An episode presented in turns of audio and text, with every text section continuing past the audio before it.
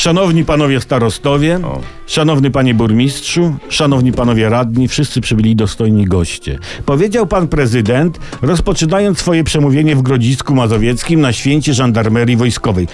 Słuchajcie, bardzo ładny początek przemówienia. Przyznajcie sami, nie ma słabych punktów, luk, nigdzie nie przecieka, no nie ma się do czego przyczepić. Z tym, że niektórzy mniej wyrobieni politycznie kolesie zwracają uwagę na w sumie dla wyrobionych politycznie gości, typu ja, na nieistotny aspekt, że na uroczystości żandarmerii w Grodzisku prezydent nie zaprosi władz lokalnych, tu skowron dmucha wuwuzelą.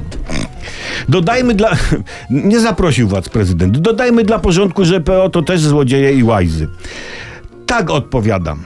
Nie zaprosił, ale te władze lokalne przywitał. Mimo, że burmistrza Grodziska i radnych nie było, to prezydent dał wyraz temu, że o nich pamięta, mimo że ich nie zaprosił. Jest to objaw kultury i wyrobienia w zasadach dobrego bontonu, zwanego savior wiewiórem.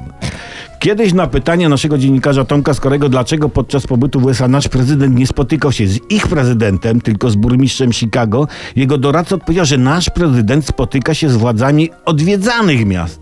Oczywiście jak je zaprosi, bo jak nie zaprosi, to się nie spotyka. To jest chyba logiczne.